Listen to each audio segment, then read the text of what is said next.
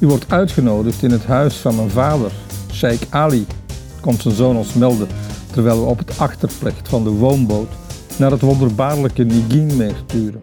Een kopje Kashmiri thee in de hand. De zoon van Sheikh Ali is zelf al een eind in de zestig, maar het is zijn vader die nog altijd de lakens uitdeelt hier. Sheikh Ali is de eigenaar van de houseboat waarop we logeren in het Nigin-meer in Srinagar, Kashmir. Dat ligt in het noordwesten van India, aan de grens met Pakistan. Srinagar wordt door de Kashmiri vaak omschreven als het paradijs op aarde. Dus u begrijpt dat ik dat even met eigen ogen wilde bekijken. Vermits sommige mensen me al hebben gemeld dat ik in een volgend leven zeker niet naar de hemel ga, dacht ik dat ik nu alvast best even een kijkje kon nemen, zodat ik weet wat ik allemaal ga missen. Dat Srinagar het paradijs op aarde is, mag een dichterlijke overdrijving genoemd worden. Pas op, dat zal ooit vast en zeker zo geweest zijn, want de stad is prachtig gelegen, op 1500 meter hoogte, omringd door bergen, bossen en fruitgaarden, en voorzien van twee meren, die gevoed worden door glinsterende bergstroompjes. Ik kan me goed voorstellen dat in vroegere tijden de herten er door het groene lover huppelden en dat de appelbomen er zoveel vruchten droegen dat Adam er zich ongans in kon eten. De modernisering sloeg echter ook in Srinagar ongenadig toe en de stad die rond de twee meren, het Daalmeer en het kleinere Niginmeer groeide, verschilt in niets van elke andere grote Indiaanse stad. Druk, drukker, drukst, stoffig, onaf en overbevolkt. Het contrast met de rust op het Niginmeer kon niet groter zijn, want van op de kamer in de klassiek ingerichte houseboot hebben we zicht op het meer waar alleen af en toe een eend kwaakt. Als Srinagar al een paradijs is, dan toch vooral een vogelparadijs.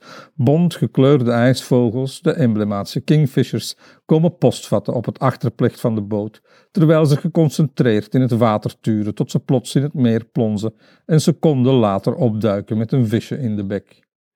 Tientallen arenden cirkelen boven het meer op zoek naar prooi in de graskanten en ganse eendenfamilies dobberen rustig door het kroos. De houseboat waar we logeren heet Canada. Een vreemde naam zo midden in een Indiase stad in de Himalaya. Maar Sheikh Ali verklaart meteen waarom hij zijn boot zo heeft genoemd. Ali is inmiddels 92 jaar oud, maar beweegt zich nog flux doorheen zijn houten schip en toont trots foto's van de oude Engelse film The Jewel in the Crown, die zich voor een deel afspeelde op deze boot. Het was de eerste woonboot die ik bouwde, zegt hij, en hij had eerst een andere naam. Tot er twee Canadese jonge vrouwen kwamen logeren die voor de Canadese ambassade in New Delhi werkten, ergens eind jaren 60. Ze hadden geboekt voor drie dagen, maar werden verliefd op de streek en bleven uiteindelijk drie weken. Ze schreven al hun collega's van de ambassades en hun vrienden in Canada aan en ineens kregen we hier de crème de la crème van Delhi over de vloer. Ambassadeurs, consuls en hun familie. Ze huurden vaak gewoon de hele boot af voor een maand. En dus heb ik de boot als eerbetoon Canada genoemd. De dag voor ons gesprek zijn we opnieuw uitgenodigd, deze keer in het huis van Sheikh Ali. Zijn zoon en kleinzoon pikken ons op bij de woonboot en we lopen door het park achter het meer naar het huis waar de sheik met zijn familie woont. We worden naar het salon geleid, waar we een vijftal minuten mogen antichambreren vooraleer Ali ons komt begroeten. We keuvelen over zijn gezondheid, prima, geen klachten, en over de geschiedenis van Srinagar. Hij heeft de partition, de verdeling van India, Pakistan en Bangladesh, in 47 en dus ook de splitsing van Kashmir nog meegemaakt. Over politiek praat Ali echter niet, wel over de gevolgen ervan. Aanslagen en COVID zijn namelijk slecht voor zijn toeristische business. Vijf minuten later brengt een vrouw thee en koekjes. Dit is mijn nichtje, stelt hij haar voor. Ze is ook getrouwd met mijn zoon, maar ze is voor mij in de eerste plaats de dochter van mijn broer. Dat zijn dingen die we hier doen, trouwen onder neven en nichten. Ik weet dat dat in het Westen zeldzaam is, maar bij ons is dat normaal. Als de thee en het koekje op is, komt de kleinzoon, die ook al voor aan de dertig is, ons nogmaals groeten. Ik vraag aan de sheik, omdat het vrijdag is, of hij straks naar het vrijdaggebed in de moskee zal gaan. Uiteraard, glimlacht hij, maar mijn kleinzoon hier niet. Die bidt niet. Het lijkt de sheik echter niet te deren.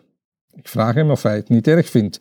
Helemaal niet, lacht hij minzaam, terwijl de kleinzoon afruimt en Sheikh Ali langzaam uit zijn zetel opstaat. Dat is voor ons ook het zijn om recht te staan. Ik weet dat hij zal bidden als hij wat ouder is. Dan bidt iedereen namelijk. Hij schudt me de hand ter afscheid en zegt: Stuur maar veel van je vrienden naar hier. We kunnen het geld gebruiken.